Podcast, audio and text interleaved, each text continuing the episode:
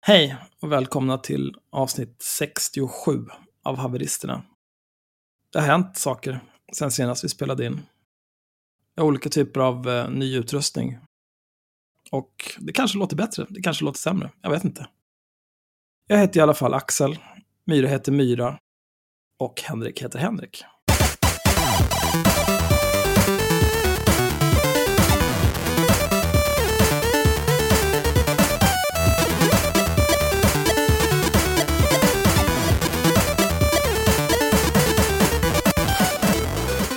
Förutom att vi har olika typer av ny utrustning så är vi även tillbaka och spelar in på Zencaster, vilket betyder att vi har en soundboard. Yes! Vilket gör mig otroligt glad. Skrattar du? Nej, jag har inte den tyvärr. Har du lagt in Axel Öhman-låten? Eh, nej, men får. Ja, hur kan du inte ha gjort det? Du är ju värdelös på att göra soundboards. Ge mig Ja, adminskap omedelbart. Okej, nej men då, har vi, då lägger vi ner podden igen. Nu skiter vi i det här. Det ska behöva vara på det här sättet. Nej, men jag vill... Nej. Nej, Jag vill ha, nej, jag vill ha modern, alltså jag vill ha musik Modern av musik? idag. Ja, sån här sorts sjömanslåt av idag. Jag- förstår ingenting. Ska vi behöva lyssna fram till refrängen nu? Han for med Ta bort det här. Ja, men alltså, grejen med den här det är att den, det utmålar ju dig som en jävla horkar som springer runt Ja. och bara köper horor. Och så typ med förlegad kvinnosyn. Ja, lever ju life. Ja, Alltså det är, ju, det är ju en tragedi hela den där låten. Han åker runt, Axel Öhman är ung och snygg och sjöman. Mm. Och reser runt och ligger med alla överallt. Och sen helt plötsligt så har det gått 30 år, han är gammal och äcklig och ingen orkar med honom. Mm. Så det är ju liksom, true to det är life. någon slags profetia från innan jag föddes. Sen ska vi komma ihåg att det där var ju inte heller en klandervärd, eh, ett klandervärt mansporträtt på den där tiden. Nej, Axel Öhman är ju hjälte. Ja. Hörrni, jag har varit ute och ridit idag. Mm. Ja. Det är en skitliten häst. Ja, alla i vår jävla grupp, ni kan ju dra åt helvete allihopa. Lady Damer, tror inte att jag, jag ser dig. Alla ni jävla idioter som är i den där gruppen som plötsligt, så precis som någon skrev, tror att ni är Malin Bajard. Är ni helt jävla tapp? Mia, dra åt helvete. Lady Damer, dra åt helvete. Vad heter hon? Ida. Alla, alla kan dra åt helvete. Fy fan vilka sviner. Mycket kvinnohat nu. här. Här har man kämpat sig upp på en häst. Man tror man sitter på ett jävla fyrtorn toppen av det. Livrädd. Jätteliten häst. Runt hela jävla skogen. Kommer en räv. Min hund försvinner iväg. Bara sticker. Måste köra piruetter över halva jävla åkrarna för att komma hem igen. Och så har ni mage att säga, "Eh, Du sitter fel. Du har för liten sadel.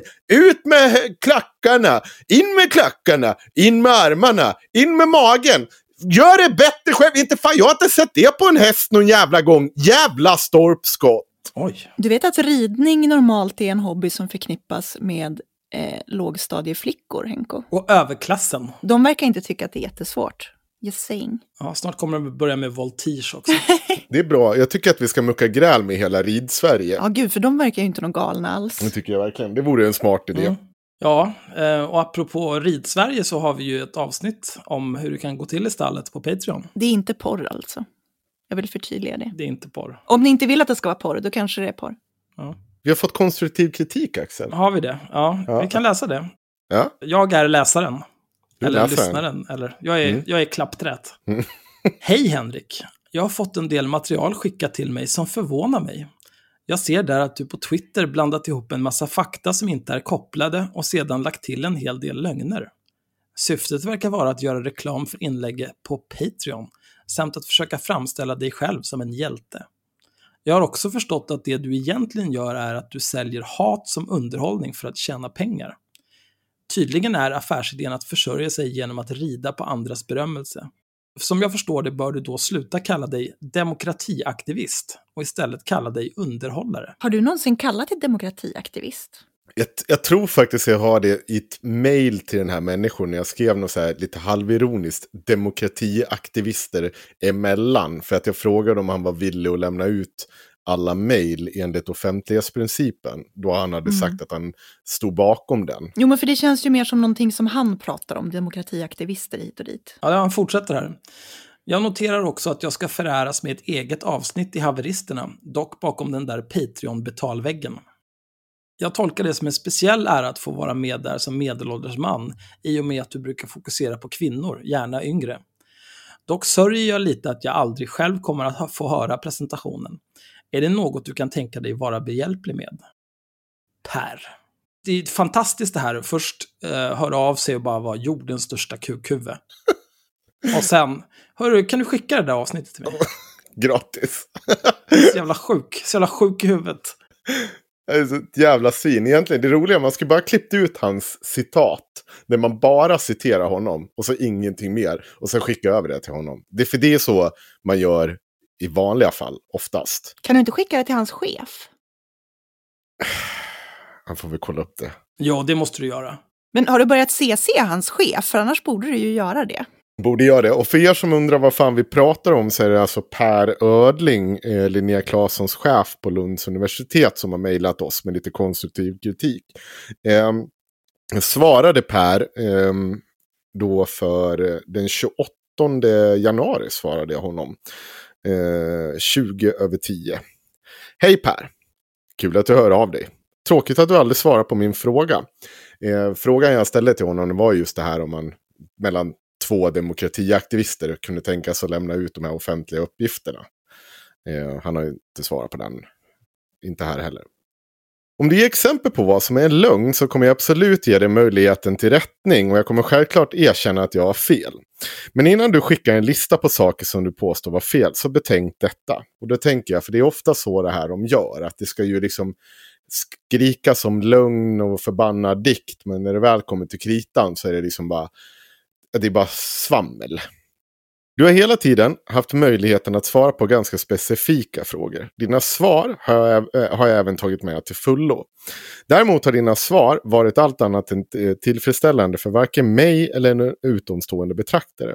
Du har haft flera möjligheter att ge ett mer utförligt svar på vad eh, Claesson sysslar med under sin anställning. Både till mig och andra eftersom det är inte bara jag som har ställt frågan till honom. Även Lundagård, Lunds, egen, Lunds universitets egen tidning, Sydsvenskan och så vidare har ställt frågan. Istället har du givit olika svar till olika medier och skyllt på rådande lagstiftning, vilket inte existerar. Den lagstiftningen har skyllt på det var någon slags att det skulle stå i, i Arbetsrättslagstiftning har ni pratat om. Ja, att man inte får berätta vad en anställd sysslar med, vilket är superkonstigt. En lustig detalj är att du till Lundagård påstod att Claesson sköter hemsidan. Detta trots att det finns mejl som visar att Robert Svensson på Lennox PR sköter hemsidans uppdateringar så sent som i maj förra året. Jag är helt ointresserad av att framstå som en hjälte. Det där, tycker, det där stör mig. Varför ska jag vilja framstå som en hjälte? Det är ingenting som gör mig mindre till en hjälte än att sitta i den här podden. Det, det, det är sånt jävla trams. Och kalla folk horungar två timmar i sträck. Det har ju inte jag gjort så jättemycket. Du vill ju vara någon typ av antihjälte. Ja, det är möjligtvis det. Ja, man Men- är ju hellre Deadpool än Cyclops. Precis. Mm, Eller Captain America. Ledsen Axel. Ja, fast Captain America är man ju rätt gärna. nej, det är man inte. Ja, fast det man är ju det. Varför? Varför så konstig sak att säga? Varför i helvete? Alltså, Captain America känns så himla amerikanskt kristen. kan man inte bara skjuta Captain America i huvudet? Så dör han. Oj! Det är extremt konstig rasism. Mordhot. Vet du vilka andra som vill skjuta Captain America i huvudet? Nazister. Nazisterna. Ja. Ja, jag är helt ointresserad av att framstå som hjälte. Jag är intresserad av att reda ut hur du har nyttjat offentliga medel. Allt i enlighet med den demokrati du säger dig värna. Jag säljer heller inte hat. Det jag säljer är en kombination mellan granskning, satir och tykonomi. Vilket jag inte på något sätt skäms över, snarare tvärtom. Jag är stolt över det jag varit med och skapat. Eh, Jag försörjer mig heller inte på detta. Det är en hobby som jag råkar få en extra slant för. Inte heller rider jag på någon annans berömmelse. Bara jättesmå hästar. Skittöntigt. Precis, jag rider på mina egna jävla hästar om jag får be. Ödling. Och de är inte så höga heller. Det har vi sett på bilder. 1,68 i mankhöjd, den är fan den största hösten vi har. Det är du som är för stor för hästen då. Det kan ju inte den hjälpa. Ja, det kan den inte. Men jag kan också gå och rida på Kurt som är som mig i mankhöjd. Vet du hur äckligt det är att stå bredvid den hästen? Den är så jävla stor. Jag har ridit på nordsvenska hästar. Min granne hade ju två nordsvenska som man använder för att eh, ploga och sånt, eller vad det heter, plöja. För Myra är född på 1800-talet. Nej, men jag bodde på den norrländska landsbygden. Ja, tomato, tomato. Ja, det är typ samma sak.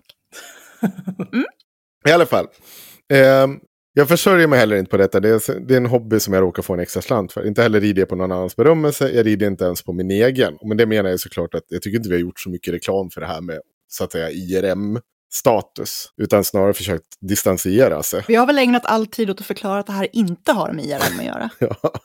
Jag, jobb, jag gör jobbet, granskning och allt som kommer med att driva en podd.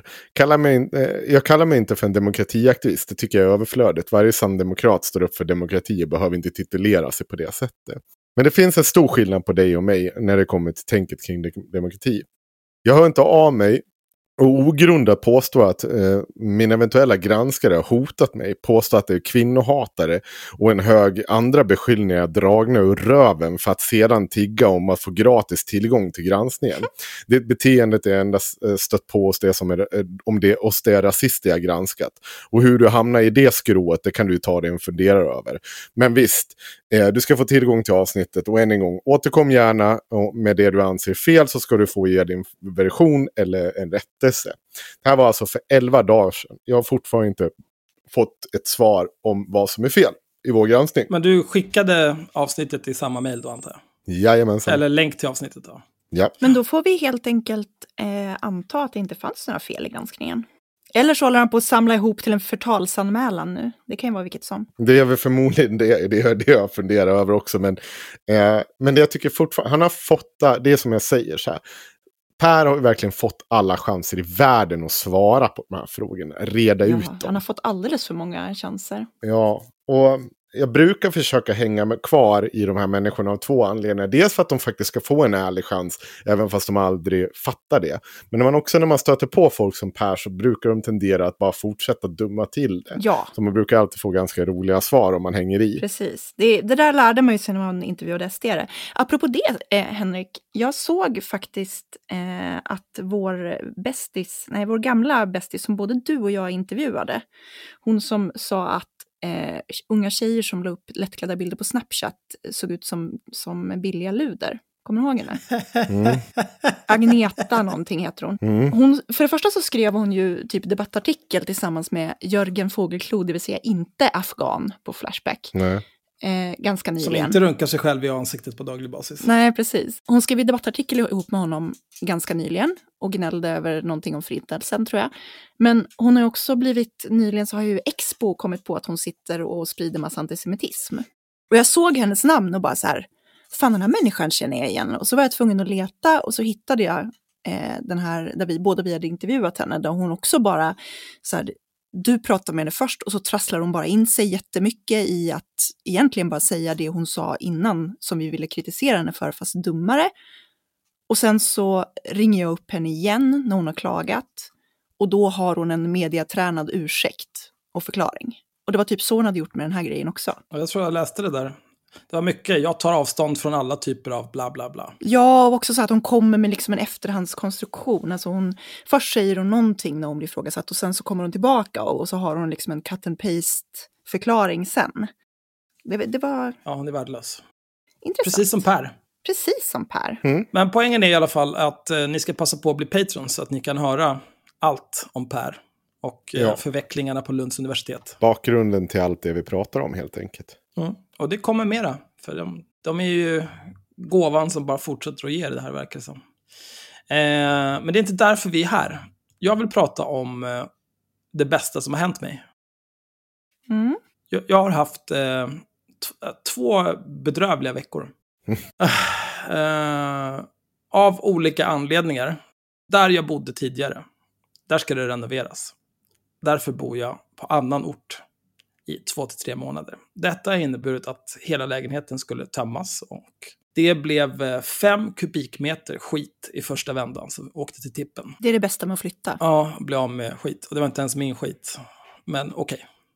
Eh, andra vändan, då var det en soffa och en tv som skulle till magasinering. eh, alla mina grejer som skulle flyttas till dit jag är nu. Det vill säga min säng, min dator, två skärmar och en byrå. Eh, jag hade även med mig ett bord, men det gick inte in genom dörren, så då tänkte jag fuck det här jävla bordet. Och så åkte det till tippen.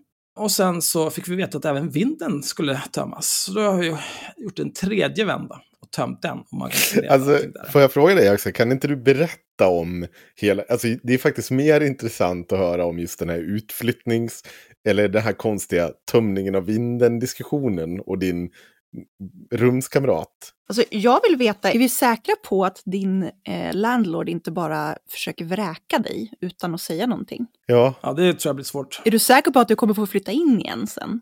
Ja. Eh, alltså jag, jag, jag har inga problem med att sitta på Kumla i några år, om det ska vara så här. Det är allt jag har att säga om det. För att jag, jag, jag faller inte ensam, det gör jag inte. Någon, någon åker med. Men, men det är inte det allt det här handlar om. Eh, den enda bra upplevelsen i allt det här. Och det är förmodligen Sveriges bästa transportfirma. Jag säger det rätt av. Ruter Retur.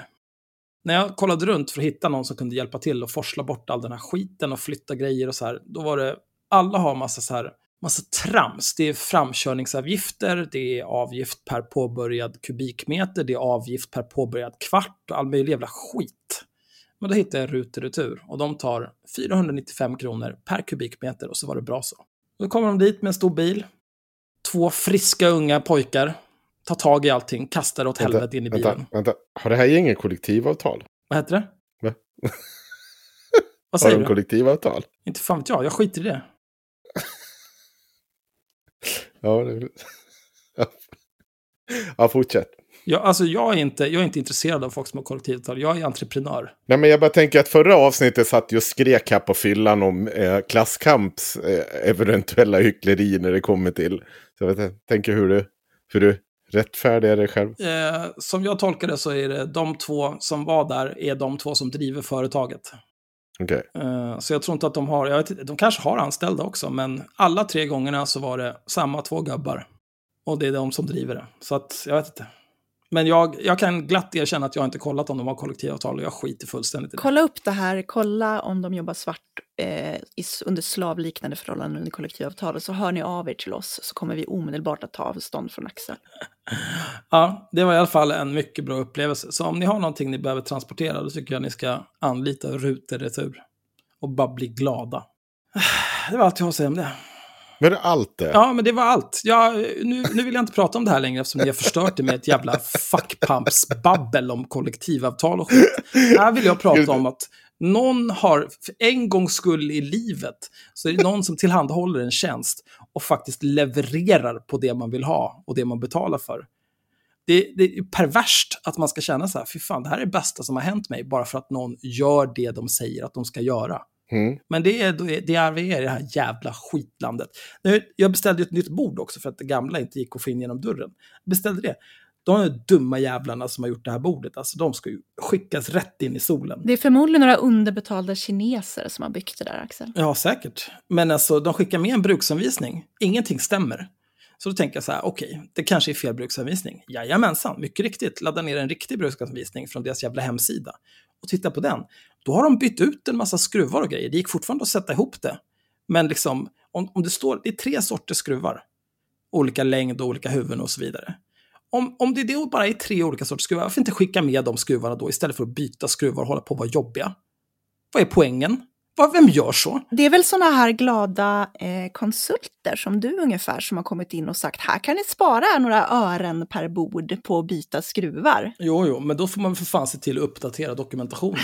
kan ju inte göra halva jobbet. Ja, men då måste man ju betala. Då är det ju då är det massa extra kostnader. Det gillar ju inte du. Nej, jag hatar att betala. Fy fan. Jag betalade försäkringar för mitt företag och eh, mobilräkning alltså. Man vill ju skära huvudet av sig när man ser den där skiten. Vad fan är det jag betalar för egentligen? Vad fan får du för pengarna menar du? Vad får jag för pengarna? Ja, vad fan får jag för pengarna? Men på tal, det här var alltså inte, bara så att folk fattade, det här var inte på något sätt ett sponsrat inlägg från Axel. Däremot har våra första muter börjat rulla in. Eh, Myra, har Mm. du också fått en eh, tröja va? Ja, jag fick en tröja. Ja. Fick du en tröja? Jag fick bara mössa. Ja. Ja, vi, vi fick en mössa varsin. då. ja, men det står ju i brevet. Läste du inte brevet? Jo, men jag fick det där mitt i när jag stod bland all jävla skit som skulle till tippen. Och så kommer det något jävla brev och tänker nu är det någon som har skickat mjältbrand till mig. Ja, men då öppnar jag den så jag slipper den här skiten så jag bara kan ramla omkull och dö här på en gång. Och sen så såg jag att det var någon mössa. Och så stod det någonting där och så kände jag, hur fan ska jag ha tid att hantera det här nu när jag har fan 30 biljarder jävla grejer som måste ner i lådor och iväg till tippen och bombas bort från den här jordens yta. Jag, jag tänker inte gå in på det här jättelångt, men jag tycker fortfarande det är kul. Jag ska läsa en textrad här. Eh, här kommer första delen av min avancerade spritmuta. Vad är spriten undrar ni? Vänta, den kommer. Det är först en ursnygg tröja till Myra. Var den ursnygg? Ja, det, det kan jag väl säga att den var. Jag har, inte, jag har faktiskt inte haft på mig den än. Nej. Alltså jag kommer inte lova någonting av den där mössan. Det enda jag bara tänker på är att jag tyckte att det var ganska kul. För, för jag förstod ingenting av det här jävla namnet. Anledningen till att jag inte fick en tröja är att jag inte vet hur tjocka de två tjocka korvarna är. Rimlig ursäkt. Rimligt. Alla vi som jobbar på Luripompa blir slanka som vindhundar. Jag vet fan inte vad vindhundar är. En vindhundar är sådana där som ser ut som greyhounds typ. Sådana här, alltså jättespinkiga. Ja, det är ett sabla spring, säger jag. Så jag undrar vad han driver för jävla slavverksamhet. Men nu kommer vi till det roliga. Tröjan och mössorna använder ni för att kommunicera med omgivningen. Luripompa betyder nämligen smått berusad på vä- västgötska. Det tyckte jag... Vad är det för jävla... Det tyckte jag var roligt. Det blev jag glad i hela själen av. Luripompa. Jag går runt och är lite luripompa hemma på fredagar. Men du Ja. är ju nykterist numera.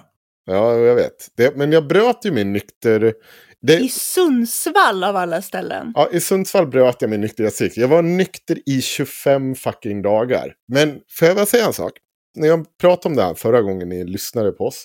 Så sa jag att jag kommer inte bli en nykterist. Det är heller inte tanken. Men jag tänker definitivt dra ner på min al alkoholkonsumtion det här året. Tänkte jag. Tänkte däremot supa skallen av mig när jag vill supa skallen av mig. Alltså det är väl slentriandrickandet kan man väl klippa bort. Det är ju Precis. ganska poänglöst. Men jag kan säga så att under de här 25 dagarna, det jag märkte absolut, det var precis hur mycket det här jävla slentriandrickande påverkade mig som alltså person. Just det här hur jävla pigga har blivit. Och, Alltså du måste ju ha druckit sådana sjuka mängder i smyg utan att någon visste om det.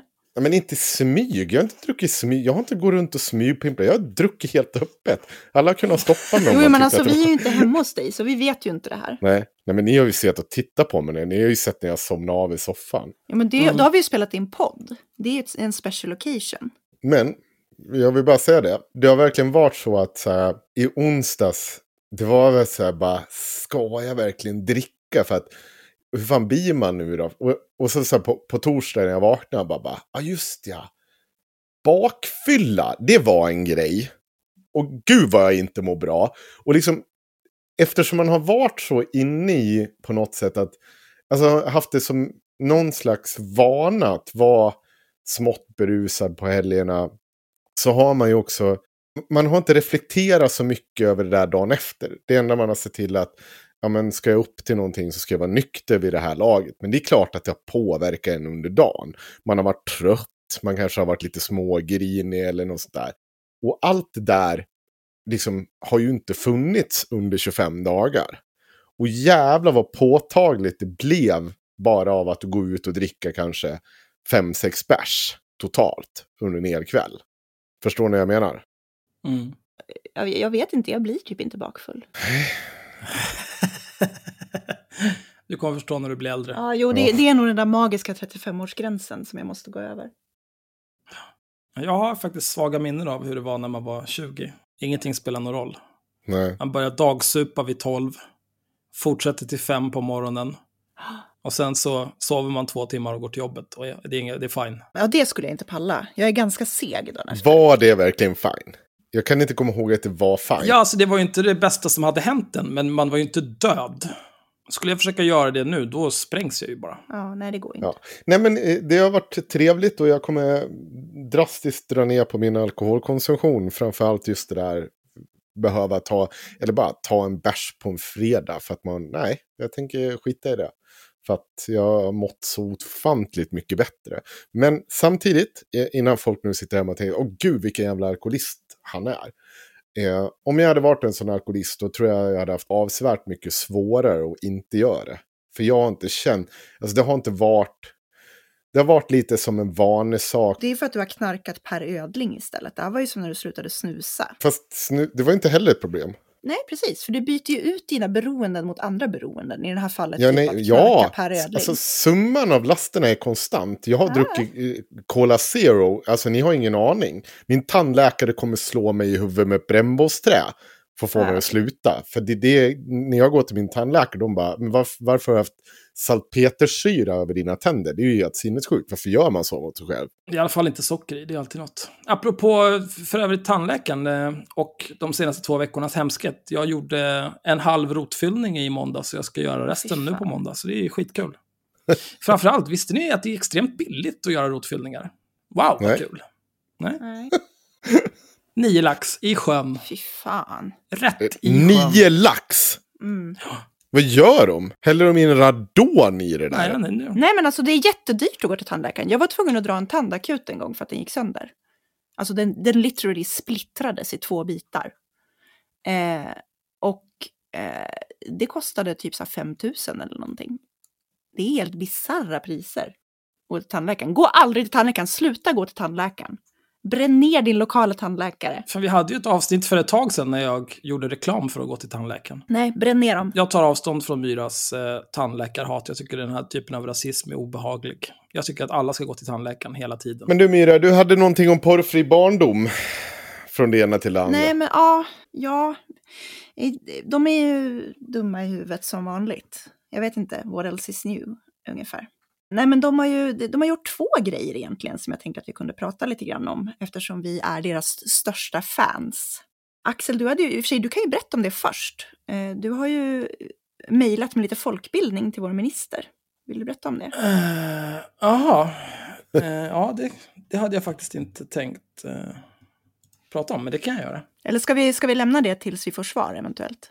Nej, vi kan ta det nu. Jag kommer inte få något svar. Mm. Varför skulle jag få det? Varför skulle hon svara på det? det? Eller varför skulle någon svara på det? De skiter väl i det. Varför skulle hon ha möte med porrfri barndom? Ja, det är en bra fråga. Mm. Porrfri barndom, Elsa Lantz, Harry Skärlund och eh, Ebba Bjelke, har jag för mig att hon heter. De har varit och träffat, eh, vad fan heter hon, Åsa Lindhagen, som är jämställdhetsminister. Och eh, när jag såg det så, så tänkte jag, det, det, det är lite grann som när Make Equal var och sprang hos Alice Bah Kuhnke och ställde krav på lagändringar. Det är lite grann samma känsla, att det kommer olika typer av, visserligen välmenande mammisar i olika åldrar och med olika kön och har en massa jävla åsikter och vill lagstifta om saker. Jag börjar fan undra om de är välmenande. Jag brukade säga att jag tror att de vill väl och det är fint. Men jag börjar fan undra nu för att med den mängd information de har fått vid det här laget så kan de liksom inte vara välmenande längre. För de har fått så jävla mycket information om att de har fel och att det här inte är en lösning och ändå pushar de för den här lösningen. Mm.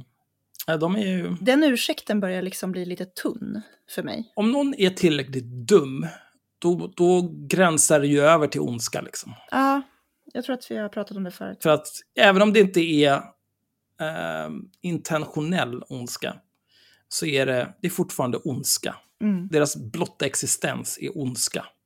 I alla fall, jag mejlade till Åsa. Eller jag mejlade till registratorn på arbetsmarknadsdepartementet. Hej Åsa! Jag såg på Facebook att du har suttit i möte med organisationen Porrfri barndom gällande bland annat porrfilter på skolor och operatörernas ansvar gällande filtrering av internettrafik. Det är bra att en minister är tillgänglig för medborgarna, men Porrfri barndom är inte en seriös organisation och borde inte få något gehör. Eh, och de hade ju varit där och, och malt på om att det ska vara porrfilter överallt. Operatörerna tar inte sitt ansvar för att de inte tillhandahåller Gratis, gratis, porrfilter till alla. Mm. Och det, de skrev visserligen inte den här gången att det blir en klassfråga att betala vad det nu var Telia tar, 49 kronor för tre enheter eller vad Det fan det, finns för fan gratis... Okej, ja, fortsätt. var. Ja, men det är också så här, det är inte en klassfråga med 50 spänn i månaden. Sluta! Eh, jag och mina kollegor i podcasten Haveristerna, Myra Åbäck Örman, felstavat, och Henrik Johansson har gjort ett specialavsnitt om porrfri barndom. Vi går bland annat igenom vad ett porrfilter är för något och hur det, parentes, inte, slutparentes, fungerar.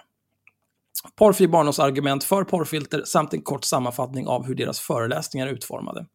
Vi pratar också om porrberoende, en hittepådiagnos som inte finns i varken DSM-5 eller ICD-11. Avsnittet är långt, men om du lyssnar på det, vilket jag hoppas att du gör, kan du i alla fall hoppa över de första 22 minuterna då dessa inte handlar om porrfri barndom. Avsnittet hittar du här, länk till avsnittet. Om du föredrar en forskningsbaserad åsikt om porrfilter framför okunnig alarmism så rekommenderar jag dig att ta kontakt med Elsa Dunkels och så länkar jag till hennes kontaktsida på Umeå universitet. Vid behov nås jag via den här mejladressen eller på 076103 8818. Trevlig helg väljningen Axel Öhman! Axel Öhman. Ha det bra!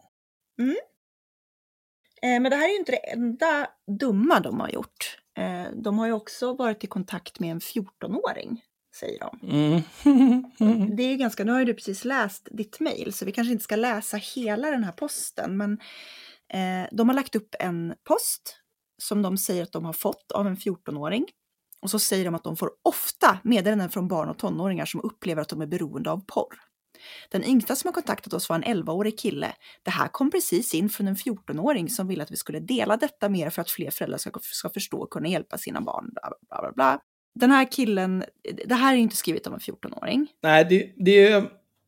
Språket i den där, det är liksom... Det känns som att någon, någon eh, som gillar flerstaviga ord har försökt få det att se ut som någon som inte riktigt kan skriva har skrivit det där. Skriver gör med G-J-Ö-R till exempel.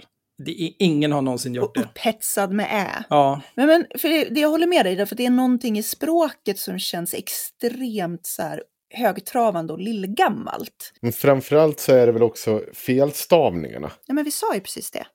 Jaha, förlåt. sitter du på Instagram nu igen? Nej. och-. Nej. Eh, vi tar två meningar här. Jag kommer tyvärr inte ihåg hur jag hittade sidan, men hade jag vetat hade jag sagt det i förebyggande syfte. Mm. Jag har nu, två år senare, lyckats ta mig ur den hemska världen och jag mår så mycket bättre nu. Och sen kommer det bästa. Min tre enkla tips till dig som är beroende. 1. Jag kom på denna ramsa. Nej, det gjorde du inte. När lusten faller på är det dags att gå ut och gå. Ja, det, det här känns som någonting från någon slags abstinensprogram från Merca. Ja, nej, det här har inte hänt. Så att du har den här extremt lillgamla tonen eh, på ett sätt som, som liksom kombineras sen då med jättekonstiga felstavningar, typ upphetsande med ä och gör med gj. Och jag köper inte, jag är ledsen. Nej. Nej. Sen behöver det inte vara fabricerat av porrfri barndom, men eh, Nej. det kanske är någon orolig mammis som känner att nu ska jag dra mitt strå till stacken här och hjälpa dem. Ja, Och de behöver ju all hjälp de kan få, för de är ju fucking useless alltså. Men ändå så sitter de med en minister. Perfekt. Så gör vi. det är härligt med demokratin. Mm. I avsnittet om porrfri barndom så eh, kommenterar jag lite snabbt att Elsa Lantz, när jag kom in på deras crash course i, vad fan de nu har kallade det, eh, det var någon slags eh, komprimerad föreläsning kan man väl säga. Då frågade hon hur jag, hur jag hade fått reda på att de skulle ha det här och då sa jag, ja det var via Facebook. Och då sa hon, jaha, deras logaritmer har ju varit lite stökiga, bla bla bla. Eh, och då tyckte jag, tyck, jag nämnde det för att jag tyckte att det är kul att eh, de inte har någon koll på någonting. För det är algoritmer, inte logaritmer.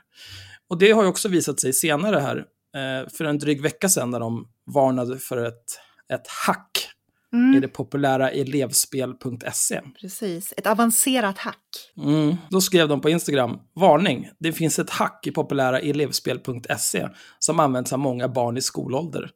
Om man skriver in .tk istället för .se hamnar barnen på världens största porrsajt Pornhub. Och då, eh, den, elevspel.tk leder, eller ledde i alla fall till eh, någon typ av bögporr.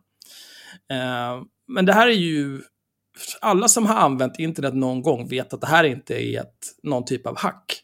Utan det här, det här handlar om att man kommer till en helt annan sida. Alltså det här är ju återkommande, för på samma sätt som de säger så här, skriver man in fel adress så kommer man till fel sida. Staten måste göra någonting åt det här omedelbart. Det är ju Mm. exakt samma eh, argumentation som när de säger när jag skrev in rövporr på min treårings dagispadda så kom det upp rövporr. Vad är det här? Ja, det är skandal. Undrar om de liksom gör så här med allt i sitt liv. Om det är så att de går in på biblioteket och så säger de hej, ursäkta mig kära bibliotekstant. Jag skulle vilja ha er, eh, er allra tyngsta bok. Jag vill att ni ska kasta den på min fot. Och så gör hon det och sen så skriker de på pappa staten som ska komma och förbjuda bibliotek. Ja, men de är ju apor. Det här, det, det, det värsta är nästan det som kommer här i den här jävla Instagram-posten. En förälder meddelar att detta är välkänt i sonens förskoleklass. Ännu en viktig heads-up om att barns exponering ofta börjar redan i förskoleålder, bland annat genom skolspel.se, nej, det gör det inte, apa, Nej. länkade filmer, pop-up-annonser och genom att googla XXX. Inga barn googlar XXX.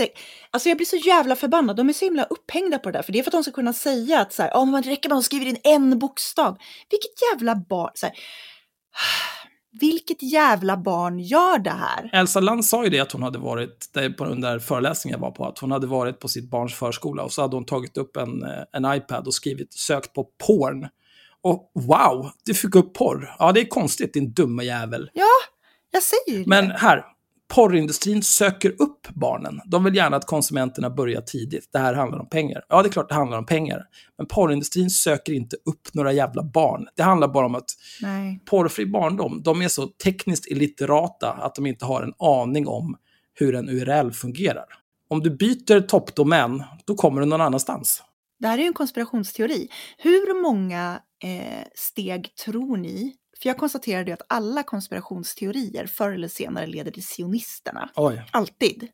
Jo men det är så. Mm. Titta på alla, alltså vad du än går in i för konspirationsteori, går du tillräckligt djupt i det kaninhålet så landar du förr eller senare i antisemitism, alltid.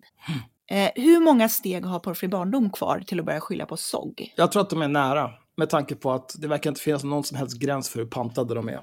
Eh, och pantade människor gillar ju sånt där. Tror ni att vi skulle kunna börja sälja in, jag fick reklam på Facebook eh, faktiskt tidigare i veckan för någon sorts barnmössor med inbyggt strålskydd. Oj. Tror ni man skulle kunna sälja in sånt i porrfri barndom?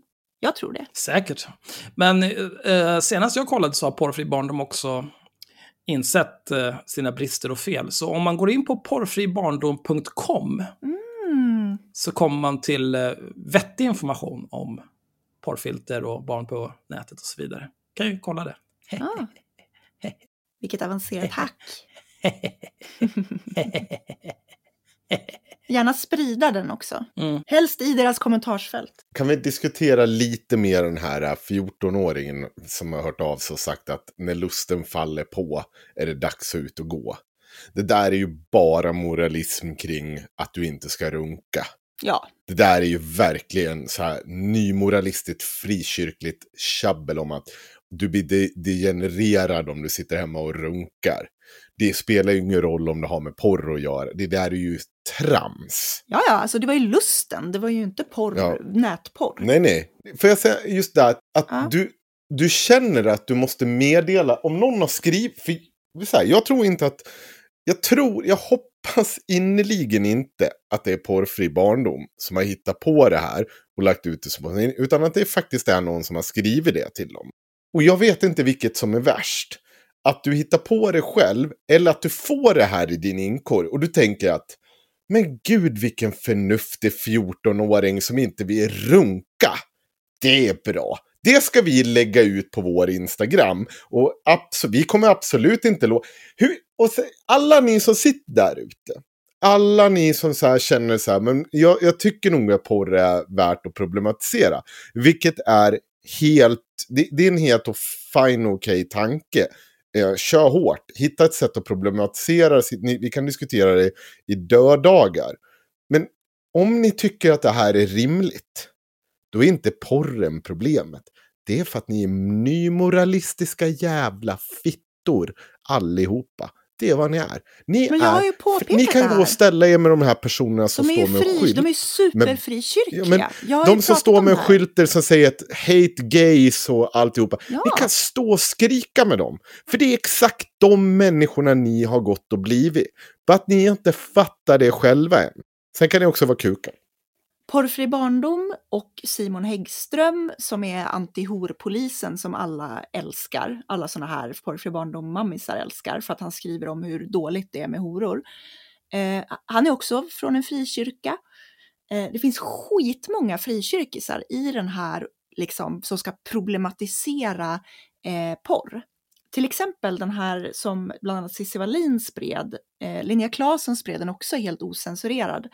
Eh, en bild på en tjej som gör någon typ av BDSM-porr.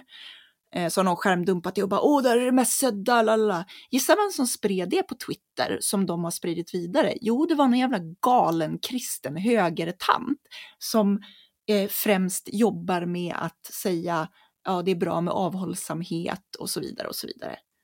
Men man fattar liksom inte det. Man fattar inte att det här är samma jävla äckel som vill, som vill förbjuda abort och som vill, liksom det, så här, ni springer ju deras ärenden i deras jävla ledband och ni fattar inte ens för att ni är för korkade. Det är äckligt. Förbjud porrfri barndom. Mer porr till barn. Ja, speciellt förskolebarnen. Ja. Jag tycker de ska börja fista barnen på förskolor. Lär dem hur man blir YouTube-kändis. Ja, men nå- någonstans, med- alla de här jävla moralisterna och all den här skiten, någon måste ju vara motvikten. Jag tycker inte om det, och vara det. Men om någon måste säga att, ja men fista barnen och streama det. Jag kan säga det. Jag tar det. För friheten. För demokratin. Apropå fista barn så har jag lyssnat på en jättebra podcastserie som jag tycker att alla borde lyssna på. Jag, jag kan inte tänka mig att det här blir slutar bra någonstans. Jo, det slutar jättebra. Den heter eh, Chasing Warhead, heter den. Och den handlar om en, eh, det är faktiskt Världens Gang, den no- norska tidningen, eh, som råkar hitta eh, skaparen, eller den som driver en av eh, Dark Webs största barnporrsidor. Mm, nice. Eh, och det visar sig att det här är en eh, undercover operation som görs eh, av en grupp i Australien och sen så, ja, så liksom listar de ut det där och så pratar de om den som hade startat den här och det blir bara, det är jätteintressant. Lyssna på den, den är fantastisk. Och väldigt, väldigt skrämmande, men mest fantastisk. Och fista inte barn. Fista helst inte barn, Nej, man hamnar på kåken. förhoppningsvis. Och blir fistad förmodligen. Ja, Medan vi ändå så är inne på Fista barn. den typen av... Den typen av content, ja. ja. Att, att vi har hamnat i situationen där vi sitter och pratar om att fista barn tyder väl på att vi lider av någon extrem politisk depression. Om det är liksom the shock value vi ska ha ut av det här och sitta och podda. det här Och är jag, jag, backlashen på porrfri barndom. Det, är det, här, det här är deras ansvar. he, helt, alla tror så här på något sätt att när man... Det här har jag... Jag har insett det här av en, vissa personer som inte riktigt känner mig, som har följt mig länge. De tror på något sätt att jag har radikaliserats. Det de inte har förstått är att jag lider av svår politisk depression. Alltså riktigt jävla svår politisk depression. Och de, de sa bara, ah, nej men så, så, det, de, det är som att de tror så att när som helst så ska- kommer han börja bara skrika om att invandrarna, det är, det är liksom Det är heila. det här, ja, eller att det är, för den delen att det är Linnea Claesson som är roten till allt ont. Utan det är inte det, är inte det som är problemet. Utan det är en svår politisk depression. Och anledningen till att jag lider av den, det är att jag har någonstans försökt hålla en konsekvent linje i hur jag agerar under alla år. Sen, sen behöver inte nödvändigtvis folk hålla med om den linjen. Men de kan inte låtsas som att jag inte har försökt vara konsekvent i mitt agerande. Det är klart att alltid har jag också haft olika ståndpunkter, ändra mig till slut. Men jag har liksom så här tyckt att det har varit viktigt att vi ska bedriva politik på ett sätt. Vi ska inte bara springa runt och grina över att allt är så synd om oss, utan vi ska ha en real politik, vi ska ha materialistisk politik, vi ska ha tankar om vad vi ska, ska med det här jävla landet, vi ska liksom kanske inte fokusera jag vet inte, folk får väl ta det med en klackspark hur jag säger, men att vi ska fokusera extremt mycket på att lyfta hela alla invandrare i Sverige till exempel, så att den nya underklassen. Precis som vi har gjort tidigare, i tidigare århundraden när vi lyft, lyft, lyfte hela arbetarklassen. Att vi inser att vi kan inte ha det på det här sättet. Det skapar motsättningar, vi måste göra någonting med det. Eh, inte bara skrika att vi ska kasta ut dem. Men problemet är att jag stöter ju på idioter hela tiden. Och en av de här idioterna, som jag egentligen inte tycker är en idiot, utan som jag för första tycker är en otroligt rolig skådespelare slash komiker, det är Kakan Hermansson. Eh, av någon anledning så är det så att Kakan Hermansson inte blivit inbjuden till QX-galan. Eh, och hon är ju lesbisk. Så det kan Det säkert svida. Kan Nej, vara det. det. kan vara det.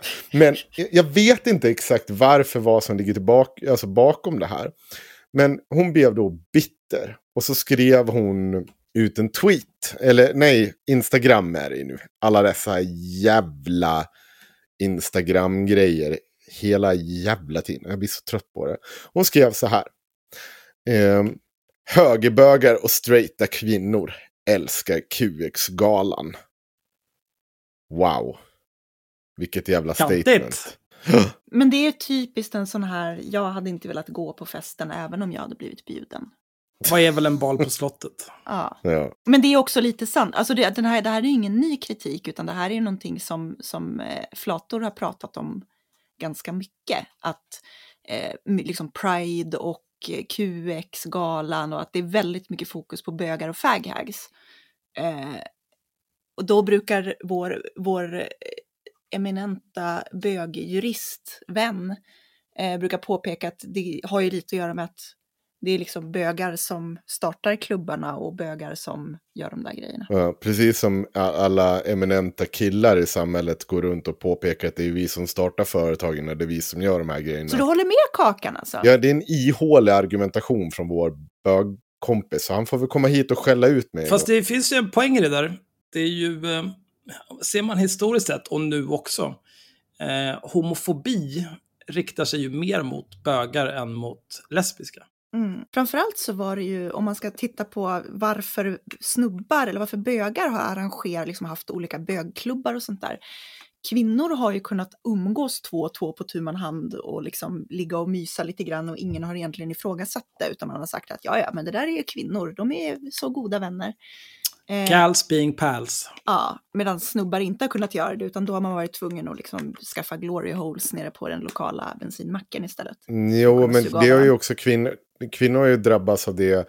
Jag, jag förstår, eller jag köper också den. Men när det väl kommer till den faktiska utsattheten som lesbisk så har ju inte det varit någon skillnad mot... eh, eh, det är väl möjligtvis att man... Det, jag tror inte det finns någon statistik på det här. Möjligtvis att man hade kunnat komma undan med det. Men när det väl kommer till kritan och två lesbiska har blivit påkomna, då har det ju varit liksom lika stor lynch mot, mot dem som det varit mot homosexuella. Men lite poängen med den här, jag- vill liksom inte låsa oss i den. Vi skulle kunna ta hit Andreas och så ta hit någon annan och så kunna diskutera det här. För det är en, in- intressant diskussion. I det här fallet så blir jag bara så jävla trött på att Kakan Hermansson, en person som jag tycker ändå så säger väldigt mycket bra. Jag vet vad hon har sagt om A-cabs och försökt vara edgy med McEdgelord. Eh, jag tycker hon har gjort en jättebra ursäkt till det. Det har vi tagit upp i tidigare avsnitt. Ni får hoppa långt tillbaka i tiden för att diskutera det. Men du kan fan inte sitta och skrika och grina över att eh, eh, QX-galan det är en liksom för högerbögar och straight folk. Samtidigt som du gör ett betalt samarbete med Klarna och skriver de här orden om Elgalan. Efter en otroligt lyckad Elgala. Ni vet ju att det är så jävla brist på straighta kvinnor i Elgalan va? Det har ni hört talas om. Men Elgalan är väl också mycket bögar och straighta kvinnor? Jag kan, jag kan verkligen, verkligen tänka mig att det saknas en och annan högerbög där också. Ja. L är väl extremt höger, skulle jag vilja säga. Ja. Eh, efter Elgalan vilade jag benen inne på The Klarna House. Shottade ostron med grön jello och tapiokakaviar. Mm. Inte ensam eftersom det var knökat hela aftonen i detta Klarna Wonderland. Ni vet det här stället som alla vi normala människor blir insläppta till. Öppnade en fortune cookie och chillade tillsammans med alla glada Klarna-vinnare som fick komma på galan. Läs mer om kvällen på bloggen.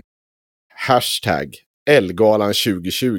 Hashtag Smooth Jag shopping. hatar influencersamhället så mycket. Det är så jävla äckligt. Alltså, det var en sak när folk gjorde reklam. Då var det så här, ja, det här är en reklam. Nu står jag här på den här modellbilden och gör reklam för någonting. Och så slapp man de här jävla säljtexterna skrivna av någon som ska försöka låta lite skön. De är alltid så jävla vidriga. Kan vi prata om det här med ostron i grön gel och tapioca kaviar? Vad är det här för jävla white trash-skit? Vem fan äter ens ostron? Det är ju- smakar ju skit. Jag gillar ostron. Smuts. Men jag äter ju hellre, det finns så mycket jag hellre äter än ostron. Om jag nu ska äta någon typ av, av så här skaldjur så äter jag ju hellre typ vanliga blåmusslor. Mm, ja, musslor är bättre. Du är ju en molfritt person. Mm, jag är mycket förtjust i musslor. Det är alldeles för mycket jobb att äta molfritt. Men det är därför jag gillar det. Jag tycker om mat där man får äta med händerna och liksom hålla på och pilla och, och så här pyssla. Det är jättebra. Ja. Nej, det gillar inte jag. Men vad, vad har du mer att säga om kakan då, Henrik? Nej, men jag, jag bara tycker att så här, du kan inte ha, inte, du måste ha den självinsikten om du ska se, vara en, någon slags politiskt. Alltså för att, för mig är det så här, än en gång, det här egentligen gäller Linnea Claesson också. Du får vara, hålla på så här mycket du vill med dina jävla samarbeten. Därför är vi inte Ja, dels är lite okunskap. Men som vi inte sitter och gnäller om eh, eh, Blondinbella Blondinbella. lika mycket. För att det här är liksom uttalat kapitalister som ska- göra saker. De ska tjäna pengar. Nu har ju de, hon ljugit på andra sätt. Vilket ni kan läsa mer om på bloggbevakningen. Mycket intressanta granskningar där. Oj, är du sponsrad? Jag är sponsrad. Inte bloggbevakning, bloggbevakning. Är det bloggbevakning.se eller .tk? Jag har ingen aning. Nej. Nej, då blir det porr. Punkt rövporr. Skitsamma. Eh, poängen är, du kan inte vara den här, vänst, lajva den här vänsteraktivisten som ska vara liksom den stora... För det är ju det de gör. De, vi låter, dels låter vi människor sätta dem på en piedestal. Men gör folk det? Vilka, vem sätter kakan på en piedestal Ja, det idag? gör vi ta med fan. Har vi inte satt kakan på en piedestal? Vi har haft försvarstal efter försvarstal efter hennes Men det var ju ACAB-uttalande. hundra Hon har år varit sedan. Den coola, snygga, eh, så här, lesbiska tjejen som vi ska lyfta in i alla offentliga sammanhang. För att hon säger de rätta Men sakerna. det var ju länge sedan. Du, du lever ju så här fem år tillbaka i det förflutna. Om hon är sponsrad av Klarna så måste det betyda att hon har någon typ av relevans och reach idag. Ja, och att hon sättes in som, eh, som eh, den som ska leda Ellegalan. Det är väl klart att det finns ett intresse av henne. Men Jo, jo, men det jag menar, någon som- är det någon som... Jag tänker till skillnad från Linnea Claesson, för Linnea Claesson lyfts ju fortfarande som så här politisk aktivist. Jag är inte säker på att Kakan gör det. Hon har väl gått vidare? Jag tror att det det är bara en googling bort.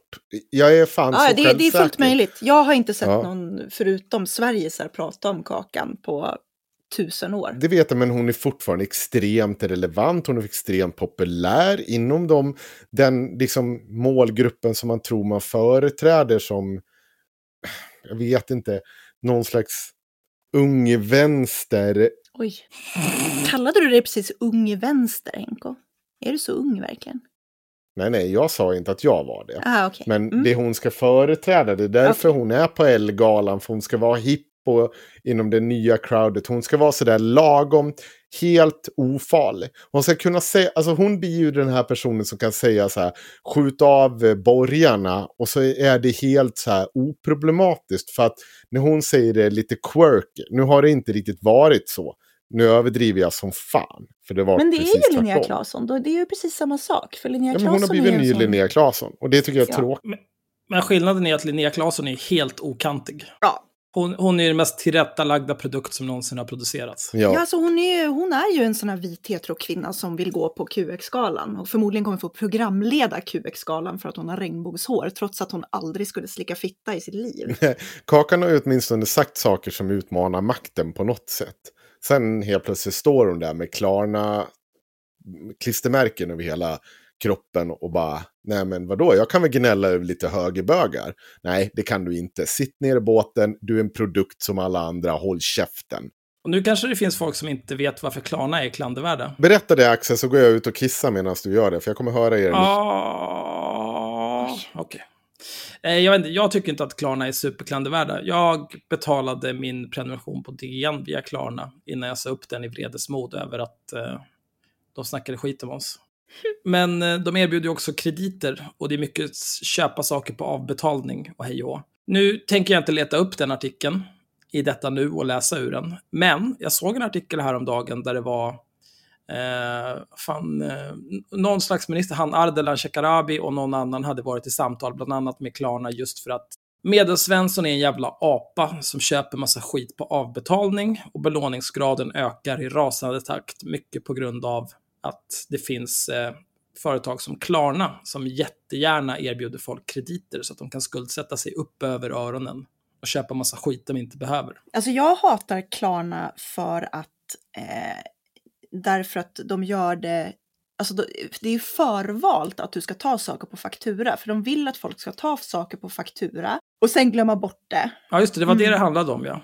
De ville att de skulle ändra så att det var inte, att kredit inte var Nej. förinställda valet. Men det är samtidigt, jag kan känna så här, ta lite eget ansvar i livet, att bocka, bocka i något annat. Ja, alltså fast det är väl så här att den ställer om sig varje gång. Så att då ska du, Jo, jag, jag, vet inte, jag vill bara att, jag tror, jag tror att det har hänt mig flera gånger att jag har råkat ta faktura eh, på någonting och så har jag tänkt, ja ah, fan, ja, äh, men jag, det där är lugnt. Och sen så får man den på mejlen och så glömmer jag bort den och sen så får jag påminnelser. Mm. Det, är, det är pissigt. Vi har ju ändå så satt en lagstiftning för det nu som gör att det där inte ska vara en grej. Jag som är en patricier, jag betalar allting med mitt Amex och får månadsfaktura. Så betalas automatiskt. Det är perfekt. Nej, men jag betalade en jävla pizza en gång. Eh, i, till Myras adress. Så att min jävla Klarna är förinställd på Myras. Så jag skulle ha kunnat typ gjort jättemycket grejer beställningar till Myra av oklar anledning. Det, det ville bara inte försvinna. Just Klarna är väl inte värre än någon annan, alltså så här, eh, banker Nej. som erbjuder blankolån till idioter och krediter. Nej, nej, alltså alla, alla jävla månglare ska drivas ut ur templet. Det är min hela poäng. Oj. Jo, men Axel, och- nej, och du har ju helt rätt. Men det är just det att du kan inte stå med liksom en Klarna-sticker i pannan och skrika åt någon annan att det är liksom döma den för att den är en högerbög. Nu får du skärpa det. Nej, hon är ju en hycklare, precis som Ja. när Jenny Bengtsson håller på och grinar om workers. Eller Cissi Wallin som säger att hon är vänster Ja. men prutar sin svarta barnflicka. Nej, nej, nej. nej, inte nog med det. Vad gjorde hon mer? Vad var det hon nu gjorde? Hon, jo, hon gick ut och skällde över att eh, eh, hm anställda var underbetalda. Ja, just det. Det gjorde hon. Och sen bara, ja just det, men du prutade ner din nanny och hennes svartarbete. Ja, du är nog rätt person här att sitta och ha åsikter om det här, absolut. Men det är... Det är ju det här som gör att man blir politiskt Oj. deprimerad. Det är att man ska bli omgiven av de här människorna som bara... "Haha, vad kul. Jaha, ja, okej. ja. Du lever på att saluföra de här åsikterna som en jävla hycklare. Ja, vad kul. Ja, men gud vad roligt. det är inte bra. Men nu är det så här vi har det. Jag blir mest politiskt deprimerad för att det känns som att det måste finnas... Eh, det känns som att de människor som faktiskt har som uppgift att göra de här grejerna inte gör dem. Och jag förstår inte varför jag ska göra dem. Du menar och granska den här typen av hyckleri. Ja, till exempel. Det finns väl säkert någon som gör det. Någon finns väl. Va? Jo, det gör det. Men alltså jag tänker på till exempel de stora dagstidningarna och så vidare är väldigt dåliga på Ja, men det det här. är väl kanske för att det inte är tillräckligt intressant. Det är väl inte relevant mer än för, jag vet inte, våra lyssnare kanske. Om ens det. Fast jag tror att eh, alltså det blir ju mer det. Det har ju inte varit relevant därför att man har inte sett de här människorna som makthavare. Vilket de ju de facto är. Mm. Men man har svårt att se det därför att vi har fortfarande ett helt medielandskap och typ ett politiskt landskap där folk är så här, eh, jaha, men eh, vad är det här? Vad är följare? Vad betyder det? Är det viktigt att man är, har närvaro på internet? Alltså det är ingen som har fattat det där än. Förutom då ärkekapitalisterna, som ju är de som ger pengar till de här äcklen. När de borde ge pengar till oss. Förstår ingenting. Ja, men nu har vi ju fått, nu har vi fått lite mutor. Vad får man om man ger pengar till oss då? Man får fan inte mycket. Man får, man får Patreon-exklusiva avsnitt, det är vad man får. Mm. Men jag tänker ju mer på, alltså, skulle vilja ha en riktigt saftig sponsordeal alltså. Aldrig mer jobba. Ja, Vad skulle det vara den sponsordealen? Jag vet inte, det finns väldigt få företag jag skulle kunna tänka mig att bli sponsrad av. Ja, Adidas har ju gått bort nu. Ja, men jag är okej med Adidas. Quisling. Sen handlar det också om, eh, jag menar om Klarna kommer och säger så här, hej, eh, skulle jag sponsra er, ni får 100 lax var i månaden. Då, ja, ja, för fan. Kör, kör. Jo, kör för fan. Nej, då, Klarna kommer inte komma. Nej, det är klart de inte kommer göra det, men om de gjorde det. Alltså alla har ju ett pris. 100 lax i månaden. Ja. 100 lax var alltså. Jag tänker inte dela på 100 lax, det är inte värt. Men, men det, här är ju det, det här är ju det praktiska, för att vi kan ju bara hävda att det är en del av vårt brand att snacka skit om folk. Så då kan vi snacka skit om dem samtidigt som de sponsrar oss. Apropå, vi, vi, vi har ju annan spons på gång. Från också sprit. En eh, kaffe och romlikör. Jag tänker inte säga namnet nu för vi har inte fått spriten än. Eller pengar. Men eh, den deal jag har föreslagit är, de skickar oss varsin flaska sprit. Eh, den går att liksom dricka på olika sätt. Man kan shotta den, man kan göra, dricka den med tonic. Kan man göra hot shots av den? Man kan säkert göra hot shots av den. Det, Det är ju som- kaffe och sprit i ett, Ja. liksom, så det är egentligen bara... Det är svårt, man vill ju ha det där varma när man dricker en hot shot också. Så att, ja, men de, Mm. de får lösa det där på något vis. Så jag har sagt att eh, om de skickar en flaska sprit var till oss, så kör vi ett segment i ett kommande avsnitt där vi dricker den spriten på olika sätt och vis och recenserar. Ja, absolut. Och sen så får de take it or leave it. Det är klart att jag ska ha svårt att tacka nej till 100 lax. Det är inget, jag ska inte låtsas vara den, lida av den typen av moralisk high ground. Det gör jag inte. Alltså det skulle vara supersvårt för mig att tacka nej till. För det finns så många jävla parametrar jag skulle ta. Men jag tror ju också att det skulle inte vara gynnsamt. Alltså så här, om den deal, om, om dealen hade varit så här. Eh, om du driver en podd Eh, och så i resten av ditt liv så kommer vi ge dig 100 000 kronor i månaden för att driva den här podden. Oavsett lyssnarantal. Så det är dealen. Eller x antal år. Men vad, vad skulle de tjäna på det? Nej, men för, för att jag tror så här också. Att jag tror att det är så väldigt mycket som går ut på att vi ska kunna sitta och ha någon som helst svansföring utan att vara totala jävla hycklare. Det här känns som en publicistisk diskussion som inte vi behöver ha just nu. Nej men alltså, jag, det jag menar, jag pratar för mig själv. Ja. Att jag tror att det skulle påverka oss om vi liksom behövde deala med den saken. Att jag skulle aldrig kunna sitta och skrika och skoja eller satira Nej, om vissa saker. Om, Prata om jag fiska barn. samtidigt blir tvungen att bli, sitta med liksom Klarnas jävla hand upp i min röv när de rör min mun. Nej, men det, då blir ju du en hycklare. Det säger ju sig Ja. självt. det, det skulle liksom inte funka. Så att om, om dealen var att det skulle fortsätta funka eh, för dem och de bara skulle betala. Då, då absolut, då skulle jag nog kunna. Men det, då säljer jag ju ut mig själv mot bakgrund av att jag kan röra mig ganska fritt ändå. Så länge inte det ingår, då det är det helt omöjligt. Ja, det är bra. Skräm bort alla våra sponsorer bara. Gör det. Ja, vi, har ju inte, vi har ju inte en enda sponsor, vi har aldrig haft en. Men eh, och om vi mot förmodan skulle få någon som någon gång skulle eh, vilja betala oss på något annat sätt än jag skickar er varsin flaska sprit så får ni dricka den och prata om spriten. Om det handlade om någon typ av pengar eller något liknande och de hade åsikter på innehållet, då, då kan jag säga redan nu, det kommer inte på fråga. Nej, nej. Eh, apropå det så kan vi ju prata om att vår eh, live-poddföreställning sålde slut på mindre än 12 timmar. Det där är så konstigt också, för jag tänkte, eh, vi pratade om det, så ja, ha inträde, vad kan man ta inträde för att någon ska komma och lyssna på det? Ja, 20 spänn kanske, ska man få det inträdet? Jaha, ja, det känns ju inte så lukrativt det här. 2000 spänn i inträde, vad fan ska vi göra med det? Men eh, det var ju annorlunda, insåg jag sen. nu menar ni jag tog tag i alltihopa och bara nu bestämmer jag att det är 150 spänn. Om du Och äntligen gjorde det ett år Ja. senare. Ja när jag spenderade hela förra våren med att fråga dig, hur går det med att fixa det där? Hur går det med att fixa det där? Ska du fixa det där? Ska du fixa det där? Och sen gav upp efter tre månader. Och sen att det hände för att jag påminde om det igen. Är det är det, det du menar? Ja, men det är bra, Henrik. Det är en fantastisk insats som du har gjort. Jag vill ju bara skryta lite grann om, eh, om att det är slutsålt till vår liveföreställning. Vi har faktiskt 20 biljetter kvar. Eller vi har egentligen 30 biljetter kvar. Och vi har ju bestämt oss för Vi har att lovat att lägga undan ett par stycken. vi, vi måste ju ha några stycken så att vi kan bjuda in nära och kära. såklart. Eh, men också, vi har inte bestämt oss hur vi ska göra med de sista 20 biljetterna. Ish. Ja, ja, men det är inte viktigt. Nej. Men det var jättekul att folk vill komma. Nu är, nu är jag tröttnat på, på att skryta. Nu vill jag prata om andra poddar som har betett sig illa. Kör! Mm. Eh, lite värre betett sig illa än att säga horunge också. Och det är ju att eh, Kulturnyheterna har ju förtjänstfullt börjat granska olika poddar. Eh, och eh, där började ju någonstans med att man kom på att Eh, vilken var det först man hittade? Mordpodden va? Var det, var det Svenska mord var det först tror jag? Svenska mord hade snott, eh, jag, jag håller det flytande tills jag hunnit googla det, men Svenska mord hade plagierat en massa. Ja, ja, Svenska mordhistorier heter den. Ja, så var det eh, Nu har man också kommit på då att Kulturnyheterna har alltså eh, granskat och kommit fram till att radiojätten Bauer Medias tredje mest populära podcast, Mordpodden, polisanmäldes för plagiat på 80 punkter av författaren Lars Olsson redan 2017.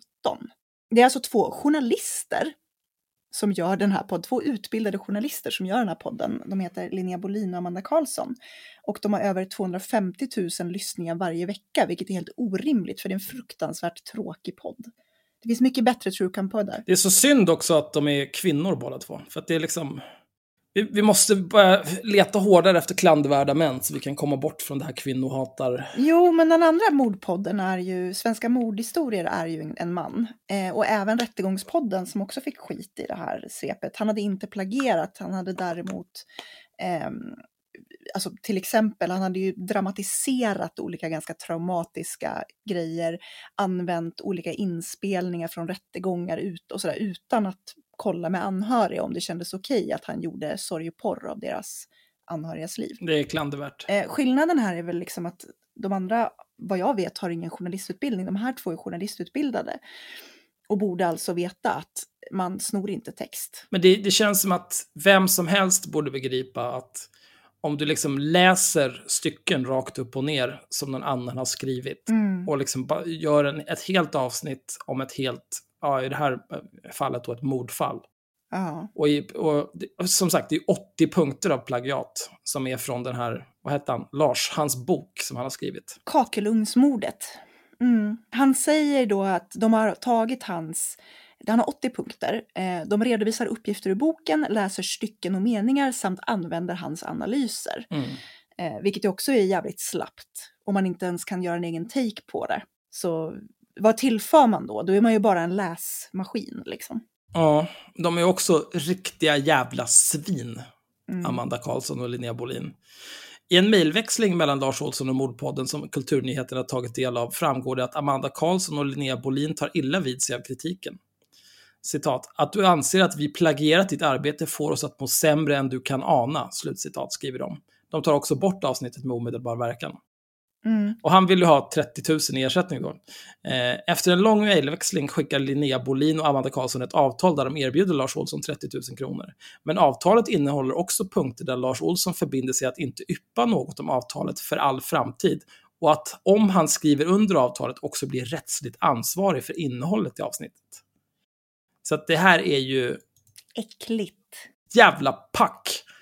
Först så här, åh nej, jag får så ont i magen och gråter blod över att du, du tycker att vi har plagierat dig på 80 punkter. Vem svarar så? Bara, vi gråter, vi är så ledsna. Alla är i Rosa Apo-gruppen. Ja, men alltså det är äckligt. Sådana här människor ska inte få ett jobb. Nej. Nej, men det är, jag vet inte, det känns som att de är liksom barn som tror att det, det funkar att bara grina för när man har betett sig illa. Det gör inte det. Du är Nej, fortfarande en liten horunge. Det hjälper inte de här jävla tårarna. Nej men jag, jag försökte lyssna på den här, för jag gillar ju true crime, eller gjorde. Nu är det så jävla, nu är det så jävla hypat, så att nu börjar jag gilla det mycket mindre bara för det. Måste hitta ett nytt Mm. särintresse. Hipster. Ja. Eh, nej men, men så jag försökte ju lyssna på den här vid något tillfälle för att jag fick den som rekommendation på Spotify eller någonting. Eh, och klarade typ två avsnitt.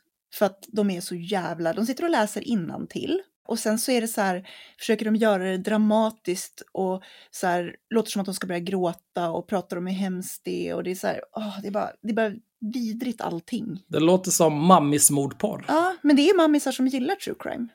Det är det där som är så Mm. intressant. Att det är liksom, nu kommer jag inte ihåg vems take det var som pratade om att det är eh, kvinnors motsvarighet till att kolla på porr. Det är Riktigt äckligt. Mm. Mm. Nej men jag tycker det, det finns jättemycket att säga kring hur de beter sig just i de här sms. Att du spelar på känslor. Att du ska liksom försöka vifta bort den här med att du får mig, alltså så här, nej men att du kommer det här med den här anklagelsen. Det är ju vedervärdigt. Du, för det är ju ett steg ifrån att säga du som man. Inte så här bara, men ni, ni har ju fan rövknullat mig, ni har snott allt jag har gjort. Nu projicerar du, Henrik. Ja, men ska du? Ska du komma här och få mig att må dåligt? Nej, det var det värsta. Mm. Jag har, en, jag har en hot take på det här som jag inte har plagierat. Det här är lite problemet med poddar eh, på samma sätt som det är problemet med influencers. Att vi har inte riktigt förstått mediet än och det finns inte riktigt så här. eh, Är du journalist till exempel förut, då var du anställd av en tidning och du visste att du hade liksom ett ansvar i egenskap av anställd. Medan både influencers och poddare har varit lite mer så här, ja men jag gör det här på kul och lägger ut det och om någon vill betala för det så får de väl göra det. Eh, och då hade det varit helt legitimt om det var så här att jag tjänar inga pengar på det här, jag gör bara på kul och det är tio personer inklusive min farmor och farfar som lyssnar på det. För det, och och det är lite så influencers funkar också, att det är så här, men jag, jag lägger bara ut bilder på kläder jag tycker är fina. Men det blir en skillnad när du går över till att du har, eh, alltså att du har det som arbete. Mm. Och det här har ju de faktiskt gjort, på samma sätt som Linnea Claesson inte längre kan gnälla över att man kritiserar henne som en som gör reklam. Jo, men det är fortfarande så här. Ja, ja, absolut kan jag till viss del ge dig den. Men jag tycker fortfarande så här. Min anledning till att förstå skillnaden mot i alla olika forum jag har verkat. Twitter, Facebook, poddar. Så är det i grund och botten tanken om att eh, om jag har en hot take på någonting som jag har fått av någon annan eller till viss del byggt på någon annan så har det varit noga för mig att credda kring den saken. Jo, Om jag anser att det här är någonting. Och det, det är ju det jag tycker att vi lyckas ursäkta plagiat med att ja, men det finns ju nya medium. Måste man nej, verkligen? men det, nej, nej, nej. Alltså jag säger inte att plagiatet är de nya mediernas fel. Jag säger att deras reaktion, att de reagerar som att det här är... Eh, hade de här varit anställda på en tidning så hade de ju knappast, knappast mejlat och sagt åh jag blir så ledsen när du säger sådär. För att det är en etablerad struktur där man vet vad som förväntas av en. Men den i poddvärlden är det så här, det här är två journaliststuderande som bara ja men det var lite kul att göra en podd med mord. Och sen så jag har de det som liksom sin lilla hobby och sen så plötsligt kastar folk pengar på dem. Och så blir de kritiserade och de förstår på något sätt, på något plan förstår inte de att de faktiskt är, eh, att det här, det är deras försörjning, de gör det här professionellt och då finns det en annan grund för att kritisera. Det är det jag menar, att det har liksom inte med plagiatet, det är ju inte okej i vilket fall.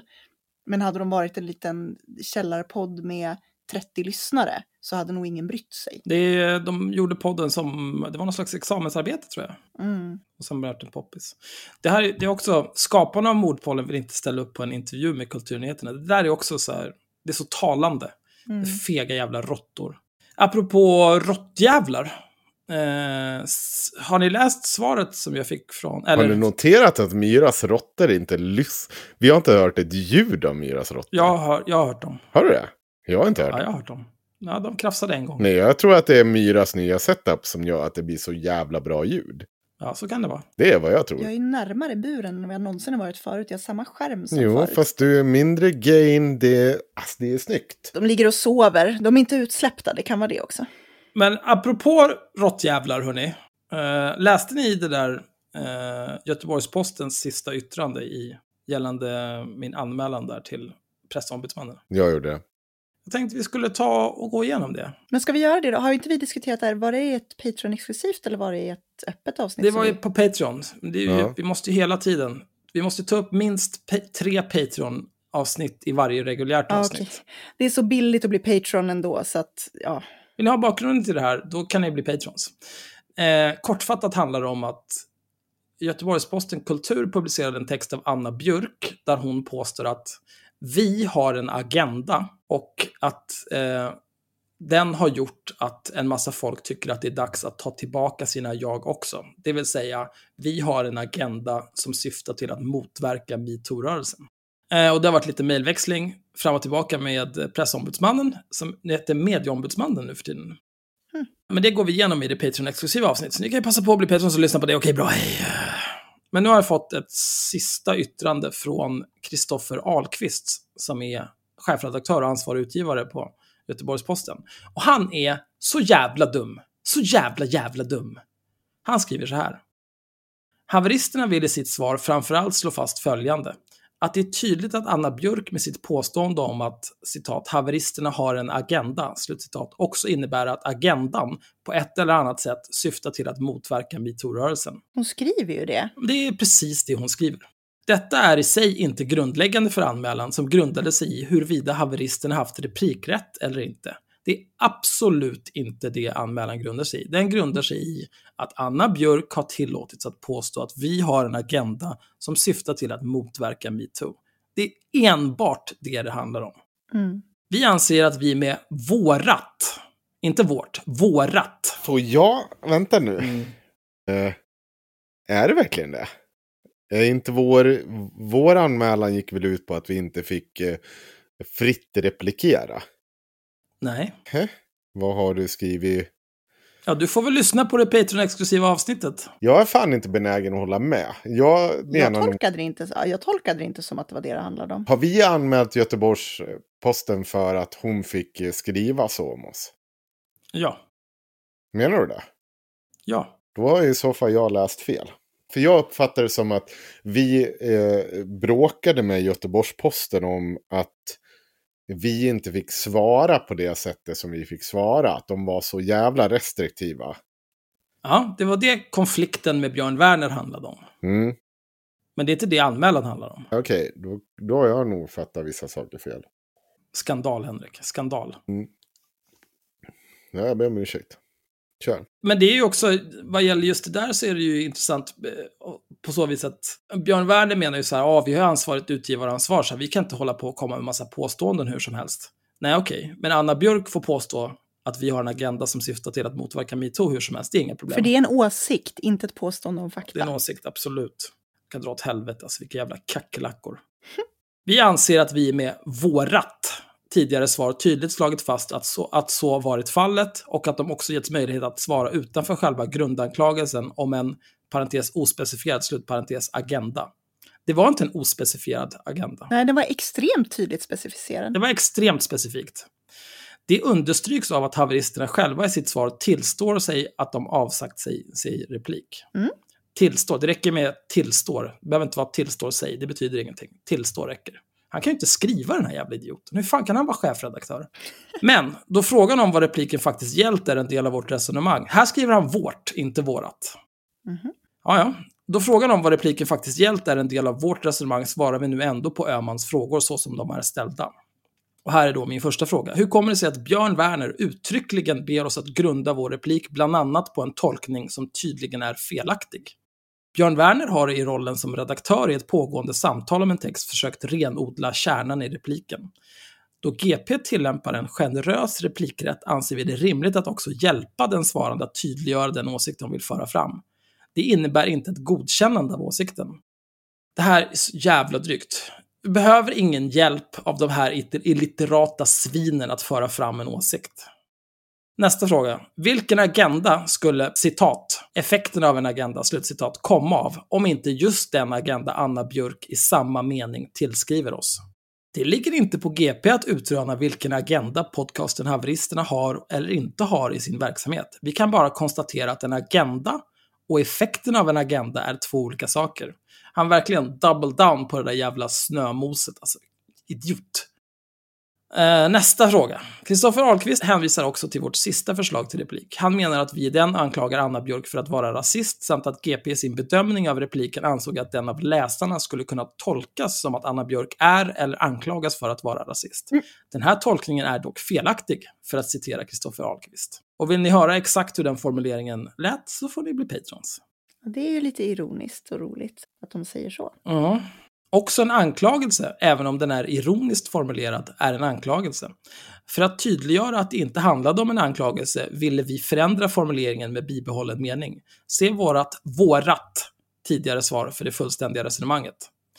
Och då, jag kan bara säga så här. Jag skrev uttryckligen i den repliken att det här inte är en påstående eller en anklagelse, utan bara en åsikt.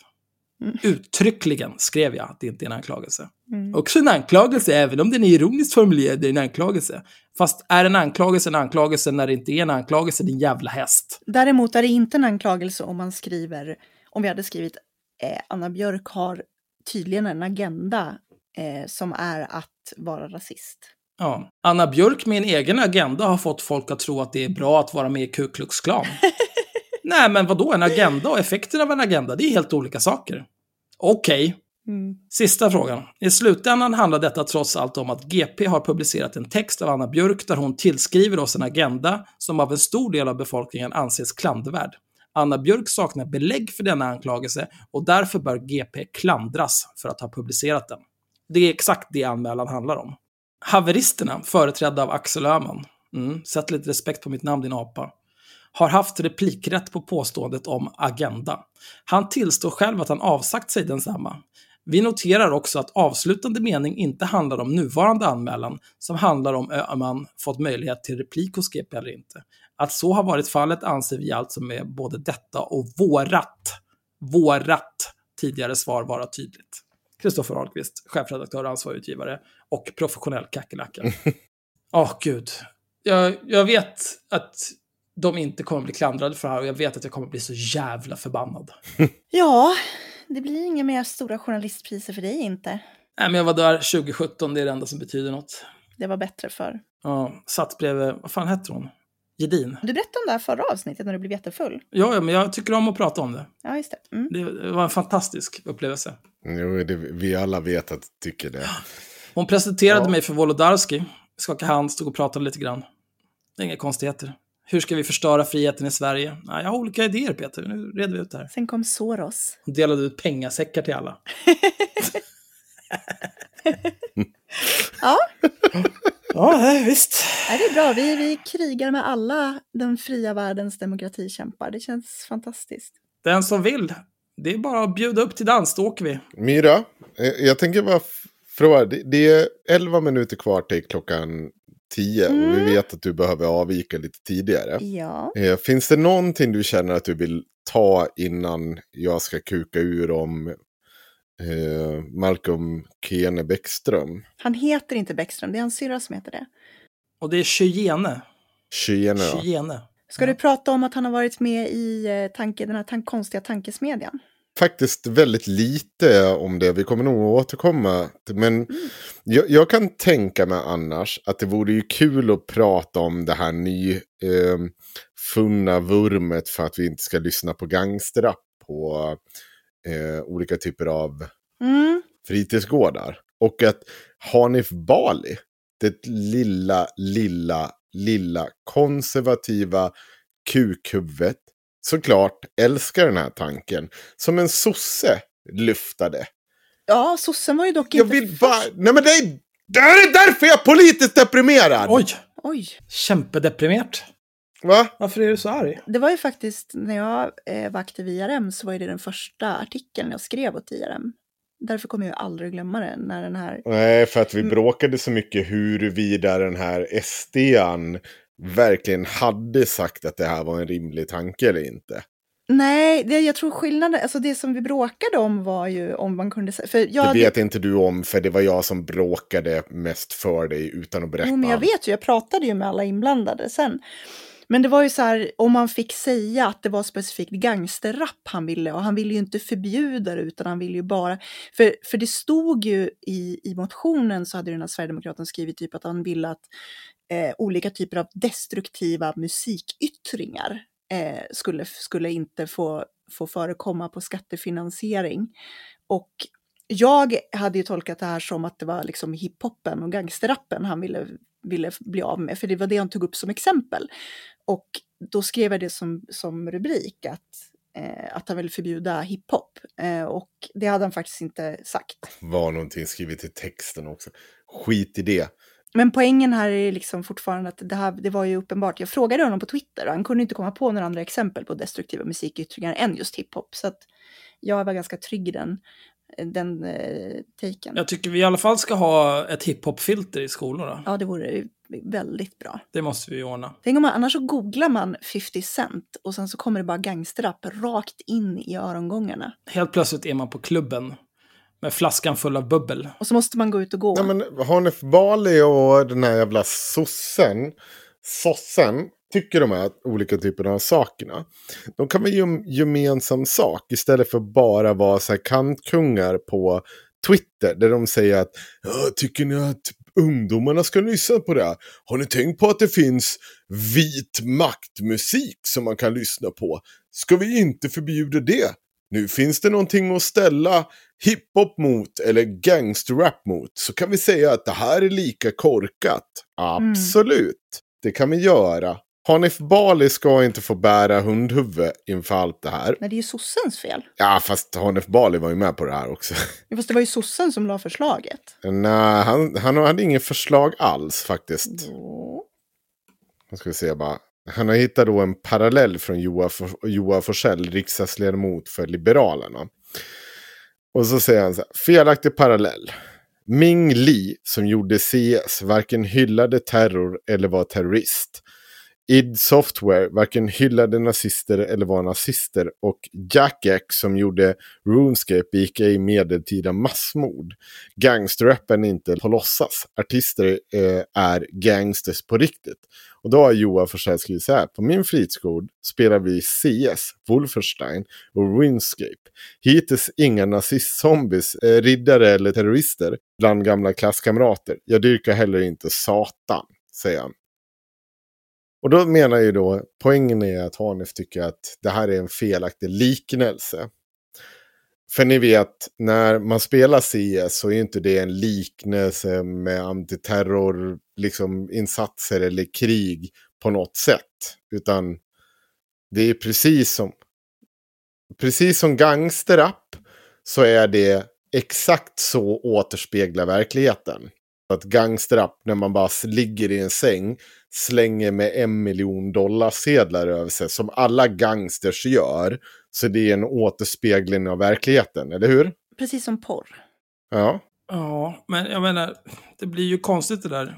För att det finns ju vissa, vissa tuffa pojkar som har varit tuffa pojkar på riktigt. Men sen så finns det ju andra som bara gör den typen av musik med den typen av texter. Axel, det är också därför vi har insett att det här är ju inte... Alltså så här, att det finns ingen större poäng i att försöka censurera det.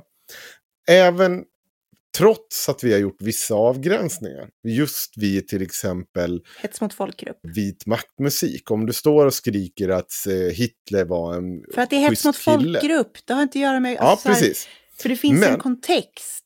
Men får jag säga Ja. nu, först vill jag säga så här. Det var visst en jävla sosse. Det är Gustav Lantz som är riksdagsledamot i justitieutskottet som skrev en debattartikel om det här i augusti förra året.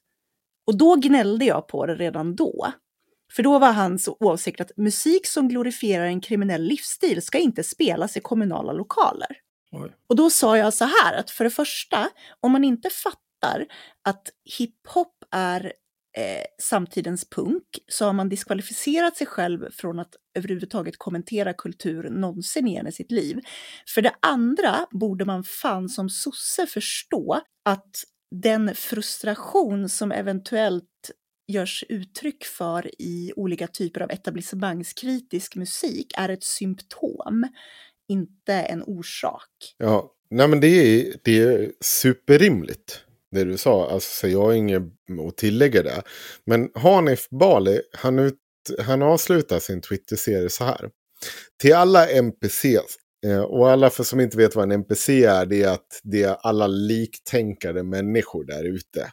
Jag tittade på våld på 80-talet och jag mördade ingen herp derp. Ditt videovåld var på lots, låtsas. Det var fiktiva filmer. Men för all del, bevisa det. Visa era 13-åriga barn avrättningsvideo för Syrien hela dagarna för att äga Sivert Öholms spöke. Jag tror att det finns ingenting rätt i den här liknelsen. För det första, det som är poängen är, än en gång, nu återgår jag till så här, tror du, Hanif Bali, på riktigt att de här återspeglingarna de gör i gangsterrap-videosarna som de ofta gör, att det sitter en kille och så står det 14 tjejer runt som bara vill knulla hans kuk, suga hans kuk, som bara, han bara sitter och kastar uh, tusen kronors sedlar. Det, det är inte riktigt så det funkar. På samma sätt som det inte på riktigt är så när du sitter och spelar CS och så händer de här sakerna. Eller när Rambo springer runt med, eh, vad heter de? De här stora pang-pang-grejerna han har. Du menar hans automatvapen? Något stort pang-pang. Det, det är väl en bra beskrivning det. Jag orkar inte bara hur dumt det här är. Och hur inte... Nej men, så, ja, men alla de här NPCsarna som sitter runt Hanif Bali och tycker att det här är smart! Nu är jag smart! För Hanif Bali har sagt smarta saker här! Nej, nej, nej! Skjut er själva i huvudet! Varenda... Allihopa av er! Skjut av er! För ni är inte smarta! Det här är inte smart att sitta och tycka att det här är rimligt. Däremot finns det en poäng. Ska jag ge Hanif Bali? Det blir ett problem. För när ska vi avgränsa vad vit maktmusik är? Till exempel har vi fortfarande inte avgränsat att Ultima Thule, ett band som har åkt runt med nazister, som har stått och kramat nazister, som inte har ett problem med att vara nazister så länge de sjunger. Det här är samma anledning som att, att porrfilter inte fungerar, vilket är att allting eh, som har liksom någon typ av fiktiv bakgrund, där finns det en jävligt, jävligt subjektiv åsikt, alltid. Eh, vilket innebär att det som, eh, så att två personer kan rappa om exakt samma sak, och den ena gör det och man vet att det är en Eh, komiker, typ Mr Cool, som rappar om att knulla barn. Och då är det okej. Okay. Hade Mr Cool varit en faktisk pedofil som försökte omvända folk så hade det inte varit så okej. Okay. Därför att det är komplicerat. Det är därför du kan till exempel ha en pjäs som skildrar, eller en film som skildrar nazister under andra världskriget där folk står och heilar. Men om du ställer dig på torget och heilar så är det en lite annan grej. Det går inte att göra den typen av, av avgränsningar utan man måste ju göra den på plats. Så jag, jag vill ju ändå tro någonstans att så här, pedagoger som jobbar med unga att det ingår i deras jävla utbildning att kunna ta den diskussionen med de unga på plats och säga så här ah, vad är det vi lyssnar på? Varför tycker du att det här är bra? Vad, vad lär vi oss av det här? Typ. För att det är så man lär sig saker och det är det skolan fucking är till för. Men jag blir bara arg på att, ja men om det här, om, om du vill säga, du får välja nu Hanif Bali. Du kan inte bara ha den här inställningen. För jag håller med dig i mångt och mycket. Alltså så här, jag kan med liksom ryggmärgen bara skrika att det är väldigt dumt att sitta och skrika om att eh, liksom pang, pang, pang, nu ska vi skjuta den här och den här och ska vi tjäna para, para. Men jag försöker liksom att koppla bort det, för att jag inser att det är inte så enkelt. Och framförallt om jag är politiker, med den liksom massan bakom mig som Hanif Bali har, då ska jag nog tagga ner. Framförallt om jag är seta och försvara tanken om att eh, ens jävla NPCs har målat upp en själv som någon slags slaktare av DN och tycker att just a prank bro, just a prank. Då får du nog acceptera också att folk så här bara, ja, men det finns någonting mer än det här. Sluta vara dum i huvudet Hanif Bali. Punkt. Han kan inte. Jag vill säga en sista sak innan jag måste gå. Och det är eh, angående vår Facebookgrupp och jag vill publikt skamma Henrik för en sak eh, som någon precis påpekade för mig på Instagram. Eh, då så är det nämligen så här att Henrik har infört någonting som han kallar för Ladies Night i vår Facebookgrupp. Där han har bestämt att bara kvinnor och eh, eller sådana som inte har kuk eller inte identifierar sig som män får posta eh, mellan klockan 12 på fredag dag och midnatt. Och Sen så gjorde han, nu senaste Ladies Night, så gjorde han en väldigt arg post om det här och skällde på alla jävla kukbärare som var inne och störde under, under safe spacet. Och sen så gick han själv in och lurigt smygpostade via haveristerna-kontot för att gnälla på Peter Rung under Ladies. Men det här är 100% förtal och ljug. Jag gnäller inte på Peter Rung. Jag har aldrig postat de här kommentarerna. Jag vet inte vad du pratar om, Myra. Ja, mm. Ja. Du vet att det där går att ta fram va? Det är 100% förtal och ljug. Allting är förfalskat. Jag så nu har jag, alltså, nu har jag skiter publikt skammat Henko för det här därför att han tycker inte att reglerna gäller honom. Eh, så att nu har jag gjort det. Nej, Jag vet inte vad du pratar om. Jag är helt... Det här är, jag förstår, lost for words. Det är så konstigt Ja. att du sitter och säger de här sakerna. Nej, ja, det, är- det, Ska inte du gå och göra typer av saker nu som är någonting annat än Oj, vara här? blev det lite jobbigt Henrik? Nej, jag förstår inte. Ja. Nej, men det är bra. bra. jag, tycker att det, är- jag tycker att det är fruktansvärt obehagligt och hotfullt av dig att inkräkta på eh, Ladies Night i Haveristerna-gruppen som du har tvingat på alla. Så. Mm. Bra. Och jag vill avsluta med att säga att han har en väldigt liten häst. Och sen är jag klar tror jag. Men ska vi inte packa ihop nu eller? Måste vi, Nej, måste det ska jag vi inte, för jag har Henriks- saker att säga. Ja. Mm, ha så Du kul. vet, varje inspelad minut kostar pengar att klippa. Ja, jag måste gå i alla fall, så Mm. eh, hörs vi. Puss och kram. Ja, eh, det kommer nog bli bra. Puss, hej då! Hej, det här är Axel dagen efter att avsnitt 67 spelades in. Som ni hörde hade Henrik saker att säga, men eh, vad det var, det får man bara höra om man är Patreon. Man kan väl säga att det handlar om eh, Sveriges just nu mest kända Malcolm. Och eh, att han är en jävla kloss. Så unna er då på Patreon om ni vill höra mer om det. Annars, dra helvete. Puss och kram, hej!